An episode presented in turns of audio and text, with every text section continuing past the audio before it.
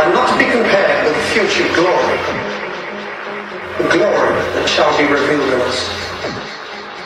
Indeed, brothers and sisters, I would go further. I would go further and say that this life simply has to be